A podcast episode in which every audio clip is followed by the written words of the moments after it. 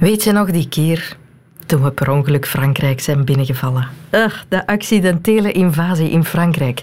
Dat zat zo. C'est une petite histoire insolite à la frontière franco-belge. A Belgian farmer taking the concept of country pride a bit too far. He moved a stone on his property some seven feet to make room for a tractor. He didn't realise it was set down more than 200 years ago to mark the frontier between Belgium and France. C'est en fait à délimiter la frontière entre la France et la Belgique depuis 1819. Le village français de Bousigny-sur-Roc a perdu 22 arts au profit de la commune belge d'Erkeline. Pas de quoi créer un incident diplomatique du côté belge. Ja, dus een boer in Erkelin, Henegouwen, net tegen de Franse grens, zat met een grenspaal in zijn veld. Lastig om te maaien.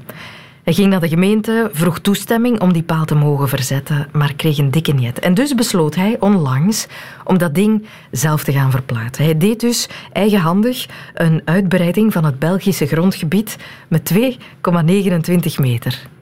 Maar dat mag dus niet, hè. Daarmee komt ons land nog eens in het wereldnieuws. Dat is toch, dat doen wij goed. De wereld altijd weer iets geven om eens goed zich mee te verkneukelen. Het is graag gedaan, wereld. Groetjes van België. Maar één ding kunnen we natuurlijk wel onthouden uit dit verhaal. Een grens, daar valt niet mee te spelen. Daar wil ik het over hebben. Welkom in de wereld van Sophie. Radio 1.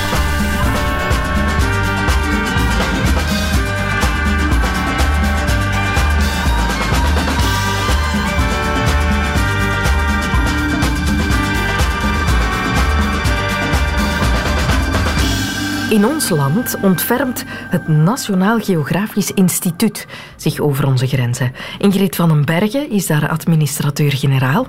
En zij wist me te vertellen dat het wel degelijk strafbaar is. Moosje met grenspalen. Eh, het verplaatsen van grenzen, dat is uh, het verplaatsen van grenspalen, zelfs tussen gewoon tussen twee eigendommen van mensen, dat, dat wordt wel bestraft. Daar, daar staan uh, straffen op um, van acht dagen tot zes maanden celstraf en zo verder. Dus dat is echt wel iets wat ernstig wordt genomen, omdat het invloed heeft op het eigendom.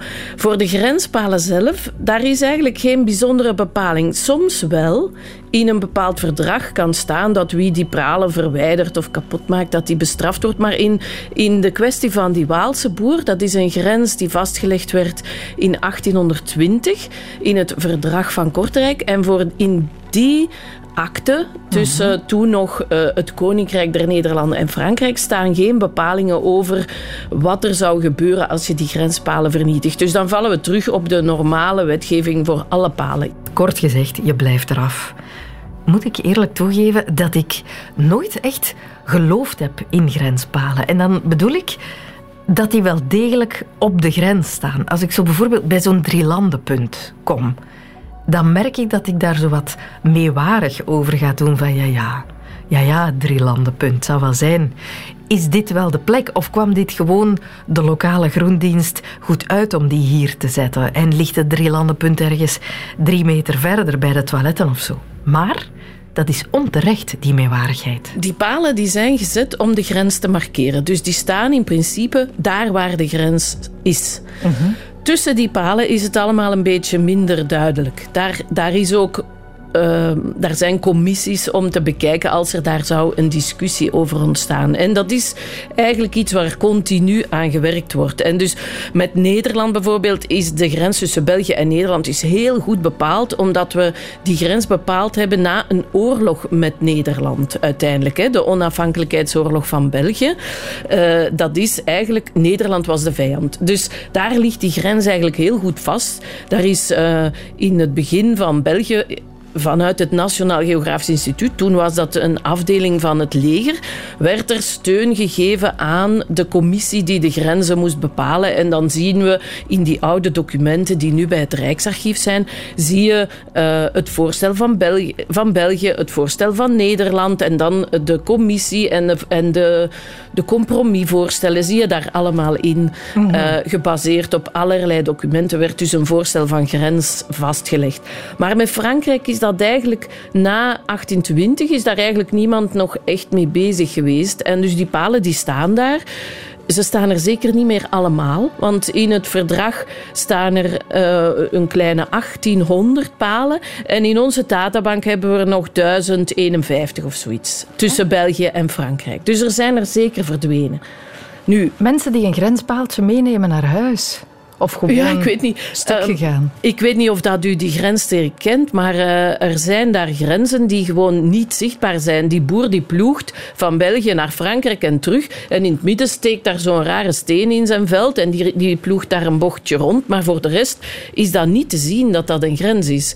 Die, die velden die stoppen niet aan die grens. Ja. En die boeren ook niet. Dus die stenen die staan daar en op een gegeven moment kan dat wel eens zijn dat er zo'n steen zodanig uh, ja, scheef gevallen is of wat, dat die boer die opzij ligt. Onze grens met Nederland is duidelijker dan die met Frankrijk, omdat die in conflict getekend werd. En dan doe je elkaar geen cadeaus blijkbaar. Dan wordt alles heel mooi afgemeten. Maar wat als de natuur de grens bepaalt en die dus ook verandert? Er zijn grenzen die dat is ook in België zo, uh, die gebonden zijn aan natuurlijke uh, elementen. Bijvoorbeeld het midden van de rivier. Bijvoorbeeld tussen België en Nederland lag de grens uh, in Limburg in het midden, het diepste punt van de Maas. Dat verandert. En daarom dat, de, uh, dat we nu, met alle technieken die we hebben om goed te kunnen meten, kunnen we zeggen het is niet het diepste punt van de Maas, het is dit punt. En in, tussen België en Nederland is dat vroeger al gebeurd. Dan werden op de twee oevers palen gezet en werd er gezegd het is het midden of uh, op die afstand, op de lijn tussen de twee palen op die afstand, daar is de grens. Ik heb mijn grenzen altijd voorgesteld zoals ik ze zie in atlassen en op kaarten. Zo dikke lijnen tussen landen, soms ook eens een stippenlijn tussen landen. Maar hoe dik moeten we onze grens in de realiteit gaan voorstellen? In principe is het een, een lijn, dus iets wat geen breedte heeft. Hè. Een lijn is, heeft alleen maar een lengte, geen breedte. Mhm. Dus de grens is 0 centimeter breed. Ja. Maar in de praktijk is het zo dat ook tussen uw eigendom en het eigendom van uw buur is dat, je weet ongeveer waar dat ligt, maar als je dat echt goed wilt, dan moet dat gemeten worden. Dan moet dat opgemeten worden. En dat is dus wat onze collega's van het kadaster mhm. nu doen, dat is die grenslijn exact bepalen. Hoe, hoe, diep zit de grens of hoe hoog gaat de grens? Want ik beeld het mij als een soort onzichtbaar gordijn. Ja, ja. Uh, eigenlijk is het een vlak dat dus loodrecht op het aardoppervlak staat. Ja. ja. Een grens is als een doorzichtig gordijntje tussen landen. Je denkt dat je er zomaar doorheen kan, maar dat is natuurlijk niet altijd zo. Soms is het wel degelijk een glazen gordijn. Coronatijd bijvoorbeeld heeft ons nog eens onze grenzen doen voelen. Plots mochten we landen niet meer in of uit. Dan gingen de terrasjes open in Nederland. Mochten wij daar niet heen, de winkels, mochten wij daar niet heen. En dat is wel wennen voor de jongere generaties. Mensen die al wat ouder zijn, die kennen dat grensgevoel beter. Of mensen die ooit onze grenzen moesten bewaken. Zoals Willy Dumily. Zijn hele carrière lang was hij commis, zoals dat dan heet, grenswachter. Eerst aan de grens met Nederland, waar hij botersmokkelaars moest zien te strikken. Boter was in der tijd veel goedkoper in Nederland, werd dus gesmokkeld.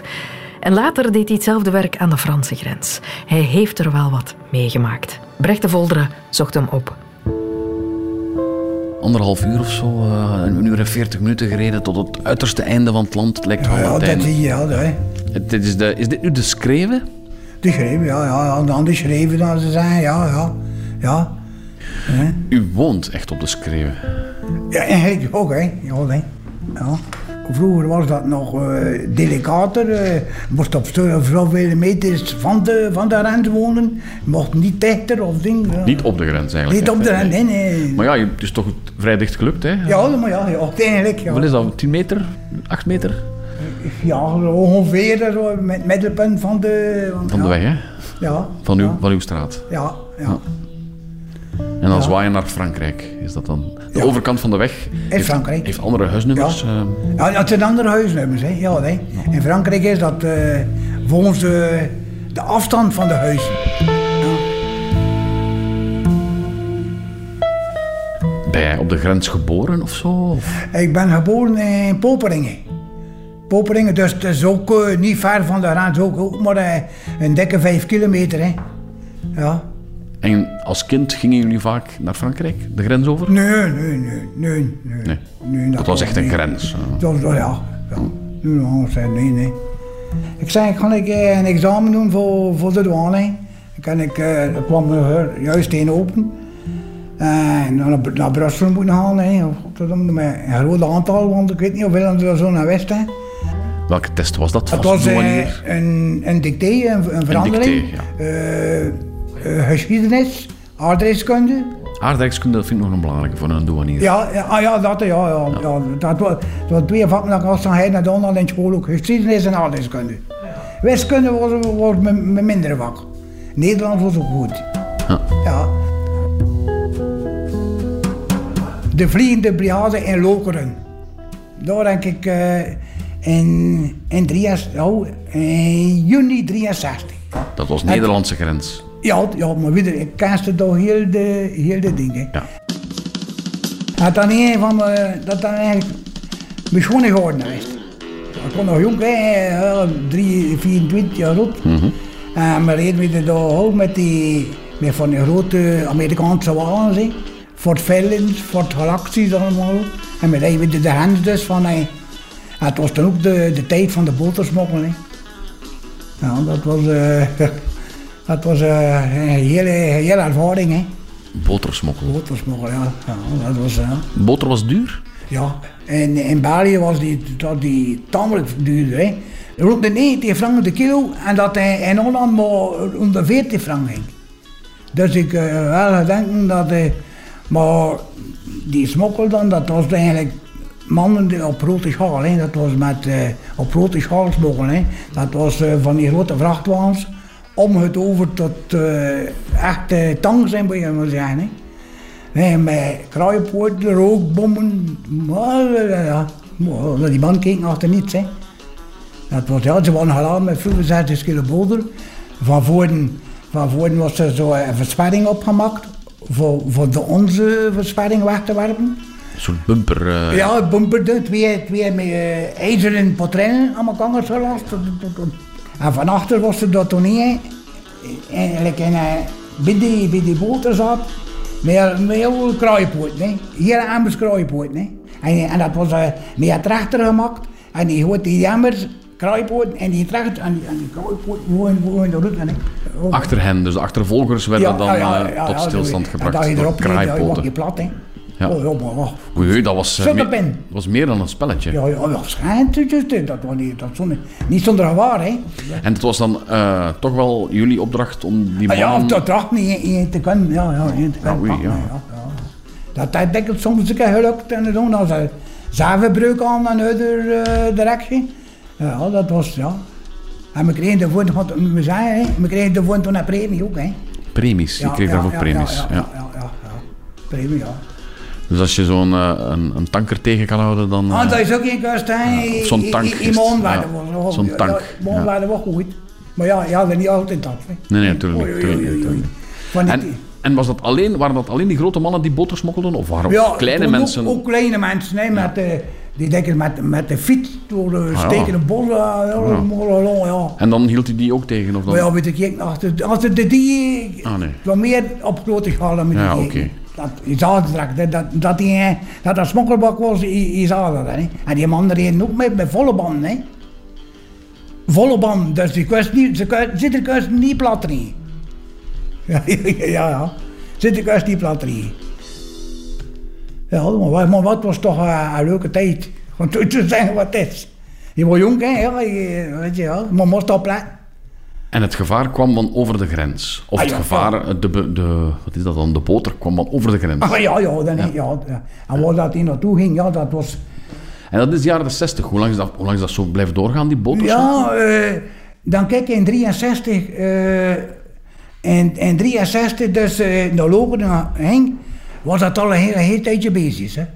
Ja, en dan kan ik toen uh, nog naar binnen komen in 61, maar toen was dat al langzamer bezig met uit, uitzetten.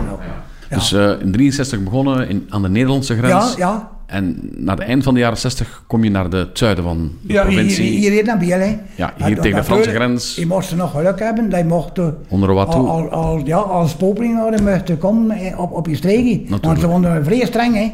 Ja. Ah, je moet een familielid hebben die aan, aan de grens eh aan winkelen... Eh, eh, ging, ging niet roken, hè. De luitenant ging zeggen, eh, niet, niet, niet te doen.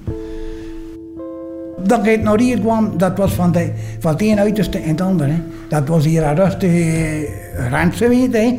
En met, met vervoer, dus invoer en uitvoer van, van, van producten. Hè. Ja, de, de, bijzonderlijk was er veel uitgevoerd hier van planten, eh, dieren en allemaal eh, dingen. En toen de, de invoer kwam van, van Frankrijk, veel ijzer. eh, nee, En die moest jij controleren. ja, ja, ik, de, Ja. ze was een papier. Papieren controleren, dat is minder spannend, lijkt mij. Ja, dat, was, dat een beetje...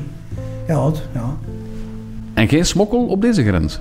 Ja, dan, ja, dat is ook smokkel geweest, hè, maar vroeger was dat hier eh, eh, tabak. Ja, eh, tabak naar Frankrijk, eh, maar sterke drank naar België. Ja, ja, ja.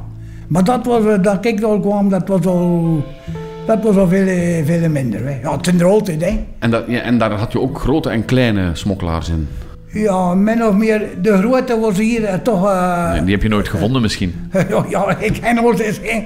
Maar dan, dan, dan kijk ik al kwam bij, dat was al oei, oei, dat was al niet we hebben- Ja, meisje die eh, een flesje drank ging gaan halen, ja. Normaal, normaal ze moesten niet, omdat ze op de huis zijn. En nu moet je drank binnen en, en, en ze hebben mij altijd ja, dronk. Dat is verschil, hè. Als je vroeger niet moest, toen ging ze, hè. En nu dat je moet, maar hen mee, hè. Ah ja. Ja, dat wordt er niet veel meer. hè. Maar het, eh,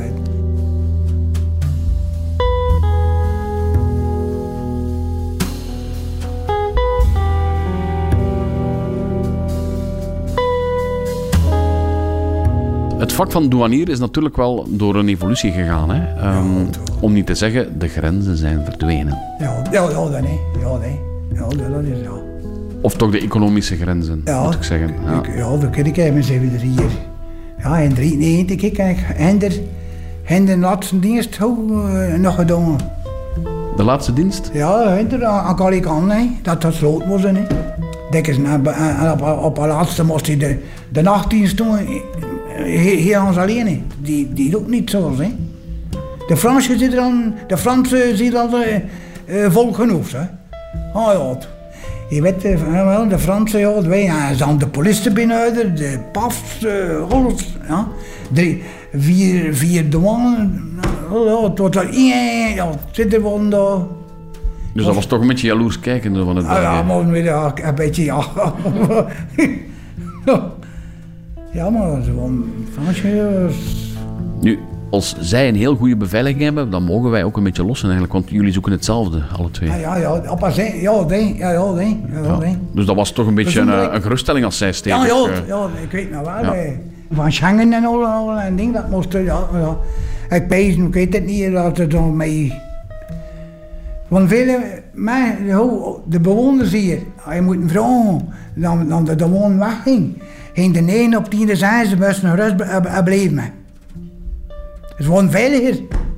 Gewoon veiliger, mensen voelen uit de veilig. Bijzonder dat er een beetje een oudere generatie is, hè, die hier... eh, Mhm. die die de douane nog gekend heeft. Hè? Ja. ja, ja, nee. Ja. ja. En die voelde zich toen... Of, Veel veiliger dan de Rwanda dat was. Of, aan nu, nu vliegt al de deuren nu. Hè.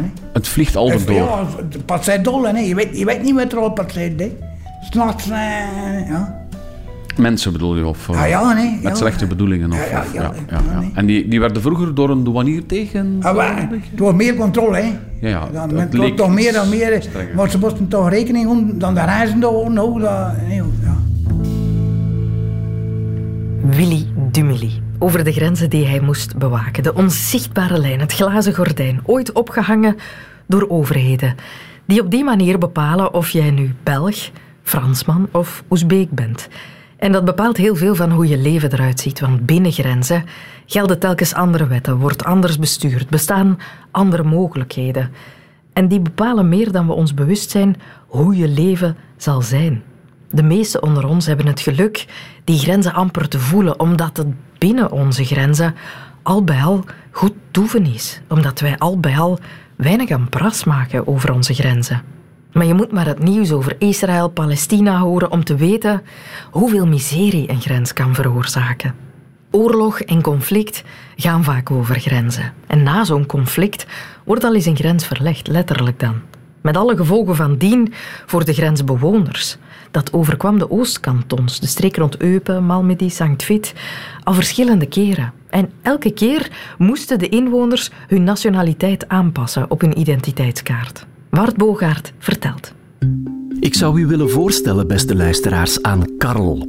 Ik heb Karel daarnet helemaal uit mijn duim gezogen. Maar gaat u er eens met mij van uit dat hij geboren is rond 1900 in Kelmis, in de toenmalige gemeente Moresnet. Dat ligt in wat wij vandaag Oost-België of de Belgische Oostkantons noemen. Maar van Oostkantons is op dat moment nog geen sprake. Ze behoren op dat moment nog niet tot België. En dus is Karel een Duitser, hoor ik u denken. Wel, u denkt verkeerd. Karels al even hard uit mijn duim gezogen vader Georg, die in 1879 geboren werd in Eupen, wat verderop, ja, dat is wel een Duitser. En fictieve Friedrich, Karels grootvader van het jaar 1847, was een Pruis, want het eengemaakte Duitsland bestond nog niet. Moet ik het ook nog over Karels overgrootvader Alfred hebben? Wel, hij kwam uit Malmedy, maar hij was een Fransman, een soldaat uit het leger van Napoleon, oké? Nee? Swat. Laten we bij Karel blijven, het is al ingewikkeld genoeg. Karel is dus geen Belg en ook geen Pruis of een Duitser en ook geen Fransman. Maar wat is Karel dan wel? Kijk, op de lagere school leert de kleine Karel over hoe in 1815 op het congres van Wenen de Europese grootmachten de kaart van Europa hertekenen. In artikel 25 van de slottekst gaat het over de grenzen van Pruisen en in artikel 66 over de grenzen van het Verenigd Koninkrijk der Nederlanden. En pal daartussen ligt de geboorteplaats van Karel, Kelmis. En exact daar ligt de twistappel een zinkmijn, de Altenberg. En die willen de Pruisen en de Nederlanders allebei. Oorlog, dat zien ze niet zitten. En ze vinden een creatieve oplossing. Een compromis à la Belge, mocht dat toen al bestaan hebben. Of om de spraakverwarring nog wat groter te maken, they agree to disagree. En Moresnet wordt in drieën gekapt. Het westen wordt Nederlands, het oosten wordt Pruisisch en het midden een taartvormige strook van 344 hectare met 250 inwoners en een zinkmijn wordt neutraal Moresnet. En zo komt het dat Karel in het tweede leerjaar, zoals u dat waarschijnlijk ook ooit deed, op schoolreis gaat naar Vaals, maar daar niet het drielandenpunt, maar het vierlandenpunt bezoekt. Onze Karel is bij geboorte dus een neutrale Moresnetter. Hoewel het een tijdelijke oplossing moest zijn, bestaat het landje op dat moment al bijna 100 jaar. En er wordt op alle mogelijke manieren geëxperimenteerd in dat door nazistaten ongemoeid gelaten taartstuk. Het wordt een belastingsparadijs, een smokkelzone, een gokoord en zelfs even een Esperanto-experiment. Maar aan alle dromen komt een einde. Duitsers, waaronder dus ook de Eupenaars en de Malmedianen en de Zangtvitters, die vallen in 1914 België binnen en plaatsen neutraal Moresnet onder Duits gezag. Karel mag naar de burgerlijke stand om zijn identiteitskaart aan te passen. En na de oorlog annexeert België de oostelijke gebieden, neutraal Moresnet inbegrepen. Onze Karel, geboren Moresnetter, zoon van een Duitser, kleinzoon van een Pruis, achterkleinzoon van een Fransman, wordt nu Belg.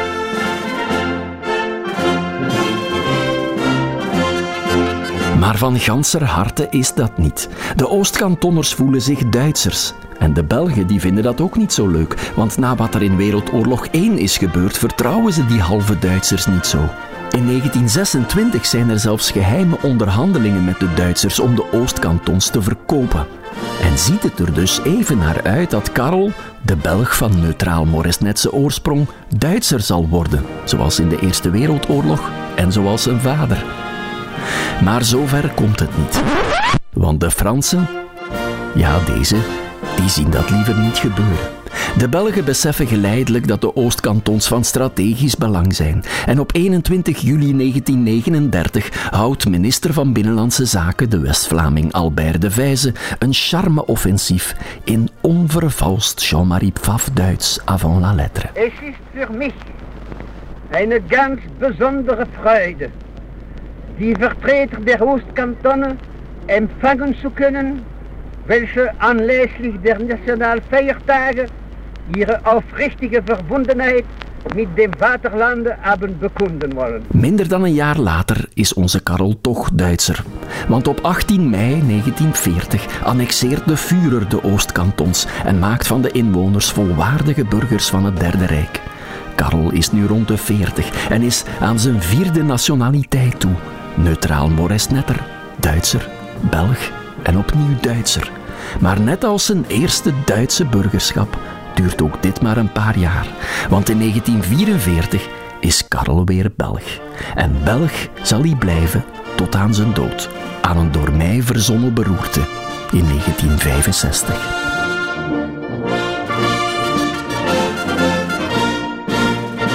Die Karel heeft al wat meegemaakt. Want ook al blijf jij op één plek zitten, als ze de grenzen om je heen verleggen, dan verandert ook jouw leven.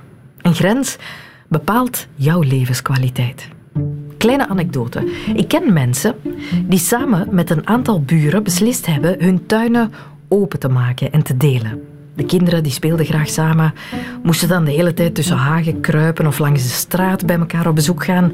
En iedereen zat daar maar in zijn eigen kleine hofje, terwijl ze nu één gigantische tuin delen. Kei gezellig en er is massa speelruimte en je kan de werken, de kosten aan de tuin delen. Super tof. Stel nu dat je dat idee op de wereld toepast. Stel dat we onze grenzen wegdenken en onze tuinen beginnen delen. Zou dat ook voor een vermenigvuldiging van het speelplezier zorgen? Zou dat onze levenskwaliteit ook verbeteren? Ik legde het voor aan politiek filosoof Alicia Gesinska. Goh, het ideaal uh, dat daarachter zit is natuurlijk wel mooi en nobel en het is een idealisme. Net uh, zoals uw voorbeeld met uh, de tuintjes. Dat klinkt allemaal goed als je heel goede buren hebt en allemaal vrienden zijt. En als het over een kleine oppervlakte gaat, want een paar tuintjes samenbrengen is nog werkbaar.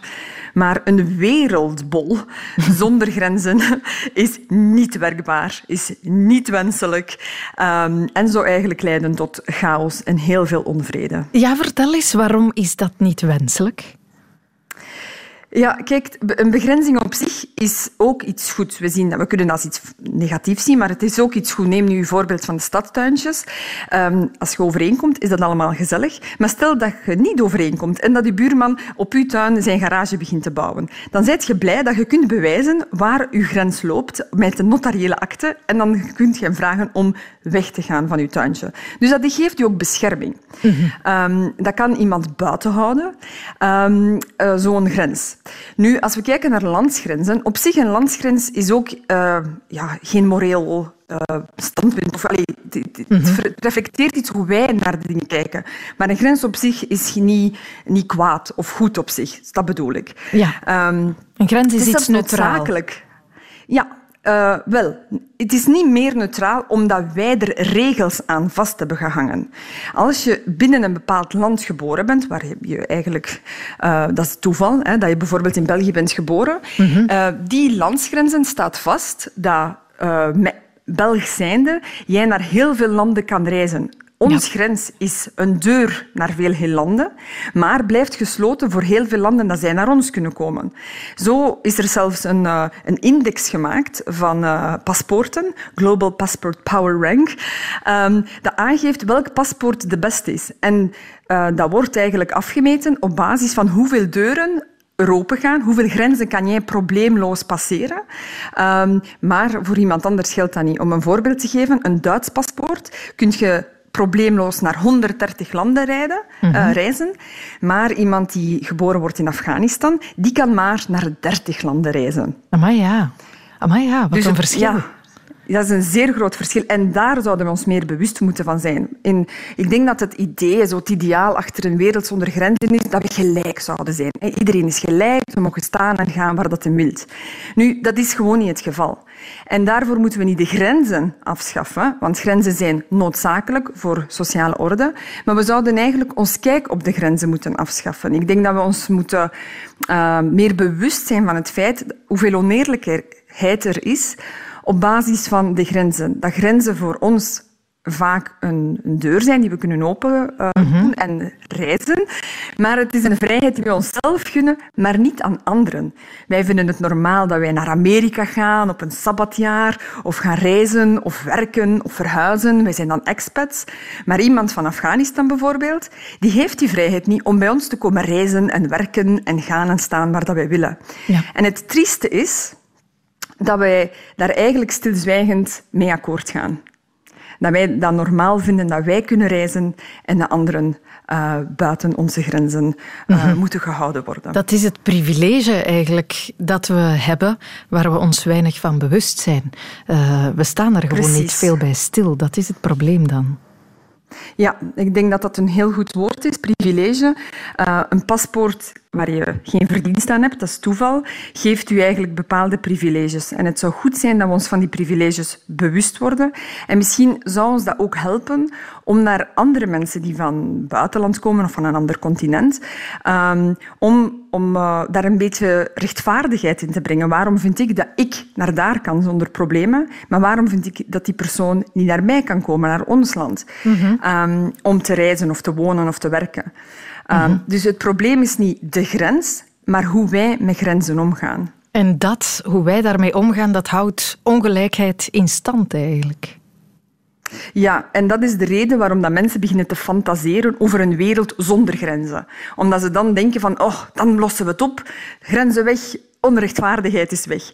Maar dat is een, eh, een zeer naïeve houding, eh, een zeer naïef cosmopolitanisme. En daar is eh, ook al over geschreven dat eigenlijk dat rechtvaardigheid en gelijkheid eh, nog moeilijker gaat maken. Want het is dankzij grenzen dat wij ook rechtvaardigheid kunnen bewerkstelligen.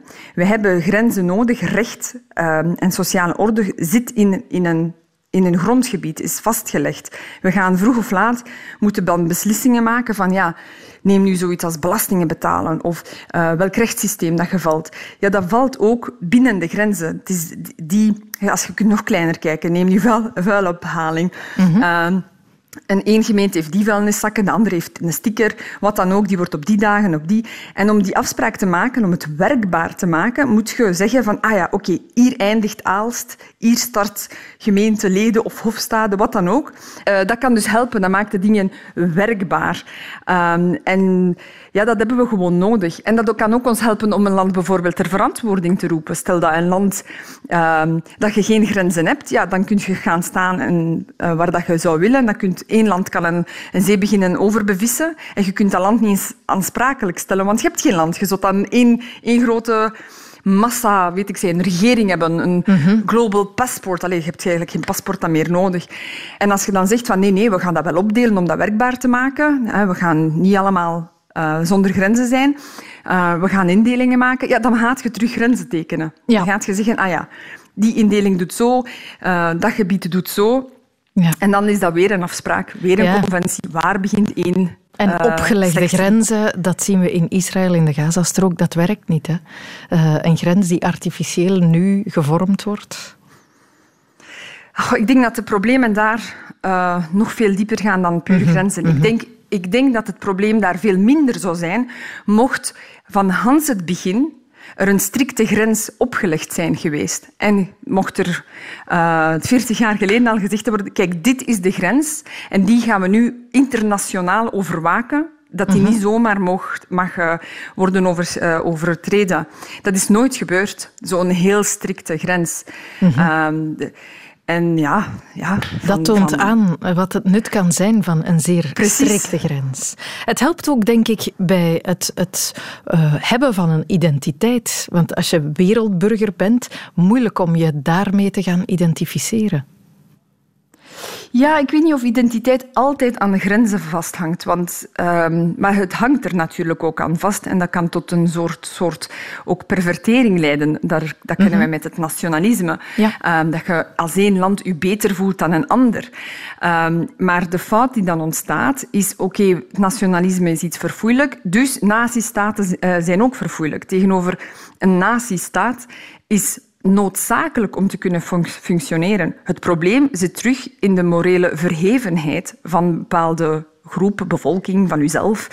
En daar zouden we ons meer bewust van moeten zijn. En die verhevenheid helaas delen we allemaal. Wij vinden ook het leven van een Amerikaan en van onszelf veel belangrijker dan dat van een Ghanese of een Afghaan.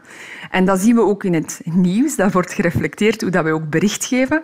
Is er één Amerikaan uh, spoorloos in, in, ergens op de wereld, dan is dat groot nieuws. Mm -hmm. um, is er uh, duizenden kinderen zijn verloren in, uh, binnen onze Europese Unie, binnen onze grenzen, spoorloos verdwenen. We praten daar niet over. Ja. Dus ik denk dat we meer zouden moeten daarover praten en ons bewust zijn van de privileges die we hebben, van de privileges die we onszelf toe-eisen, die we zelf in stand houden, dat we zelf normaal vinden, dat wij overal kunnen gaan en staan waar dat we willen. Um, maar dat we dat, als iemand anders naar ons wilt komen, vinden wij dat dan problematisch. We noemen onszelf heel vaak dan met die chique namen van expats en weet ik, wereldverbeteraars. Mm -hmm. En de anderen zijn altijd een probleem of een last. De, de, een, een begrenzing, een grens, een natiestaat, op zich is dit niet het probleem. Het probleem is hoe wij er naar kijken, dat wij ons beter voelen, dat wij door die territoriale afbakening vinden dat wij meer rechten hebben en meer recht hebben op vrijheden. En een grens willen vooral als een deur voor onszelf, een voorrecht voor onszelf om te kunnen gaan en staan waar dat we willen, maar dat we die vrijheid niet aan een ander gunnen.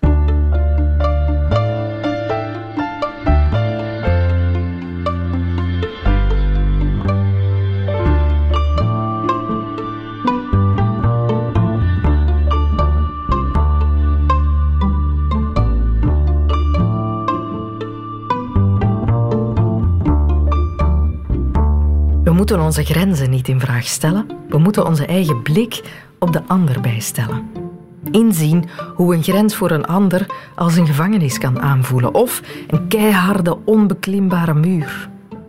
Omar weet hoe hard grenzen kunnen zijn.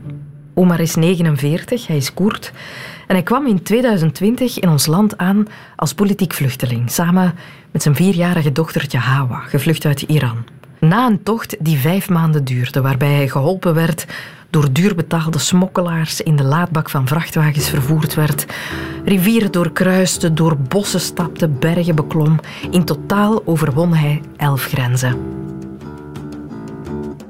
Als ik tel elf zoiets grenzen, landen, heb ik één bij één allemaal achter elkaar laten en uiteindelijk hier toegekomen.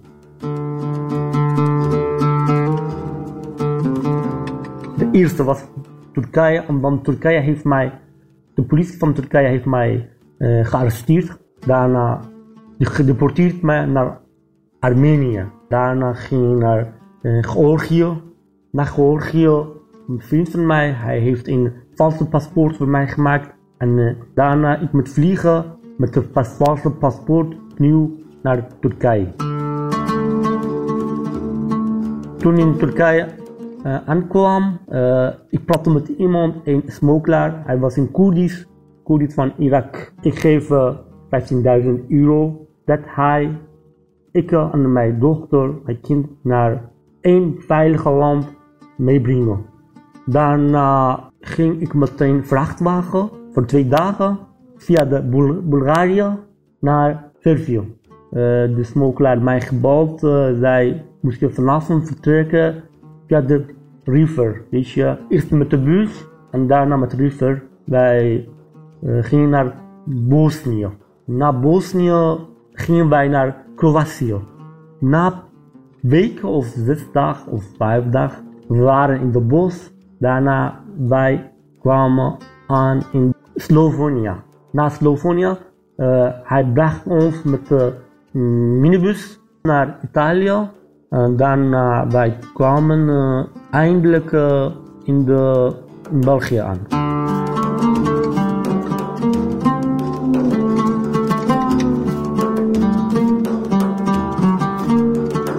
De grens, over de grens, was verboden.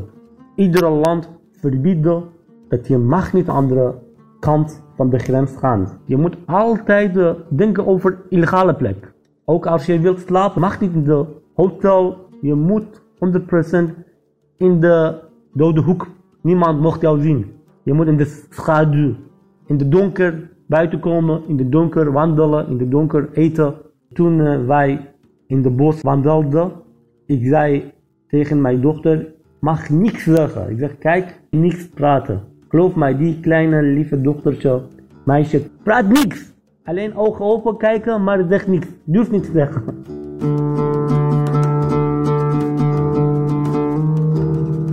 Sommige problemen onvoorstelbaar. Omdat de grens van de Kroatië was een van de moeilijkste. Daar staan veel bergen en moeilijke bergen. Iedere nacht valt het regen. Hele nacht, je bent nat. Een keer mijn dochter, we wouden een, op een brug overgaan. En mijn dochter viel op de river. In de nacht een heel vieze koude oud water was. En die ging naar binnen en mijn dochter uitgehaald. Dat was ook heel, heel moeilijk voor mijn dochter.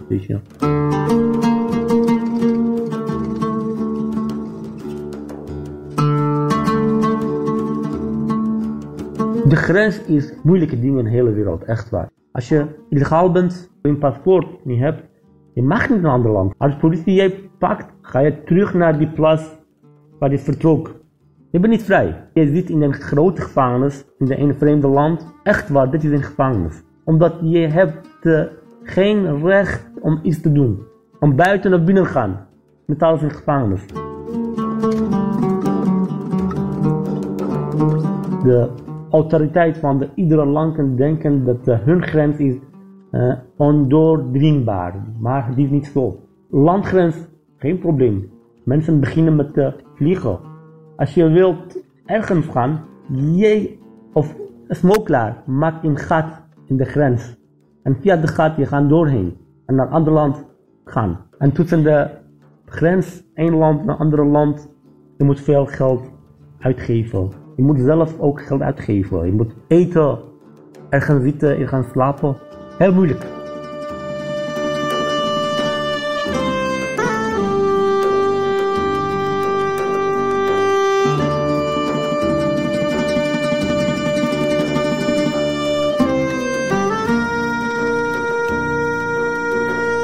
Was het moeilijkste en gevaarlijkste en hardste reizen in mijn hele leven. Ik heb nooit tot en met zo uh, moeilijkste reizen gehad. Ik kan nooit begrijpen. Je moet in de moment, in de plek zijn. Anders versta je me niet. Na die problemen ben ik nog steeds onder controle van de, psychiater. Iedere maand heb ik gesprek met mijn psycholoog. Ik praat over die problemen. Zo moeilijk was. Omdat je hebt zoveel stress. Nou komt de politie, nou komt de gevaarlijke mensen, nou komt de wilde dieren in de nacht. Bijvoorbeeld vooral in de nacht. Als je loopt, als je wandelt, je ziet niets. Je kan niet uh, één meter voor jouw ogen zien. De linksoog kan niet het rechtsoog zien. Zo kan ik makkelijker zeggen. Daarom, uh, het was echt uh, een van de gevaarlijkste in hele leven.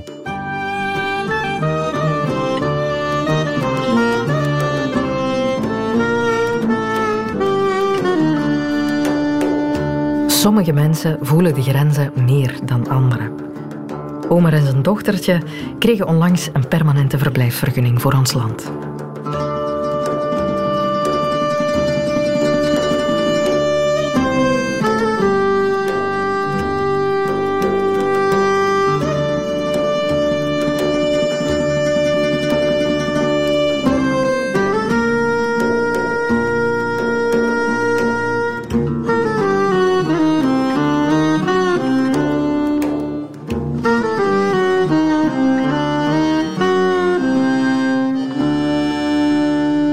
Dit was de wereld van Sophie over grenzen.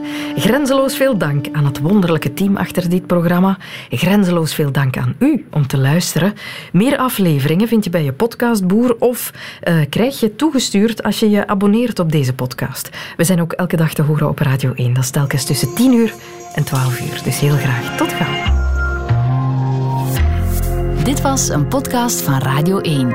Ontdek nog meer podcasts van Radio 1 in onze app en op radio1.be. Radio 1. Altijd benieuwd.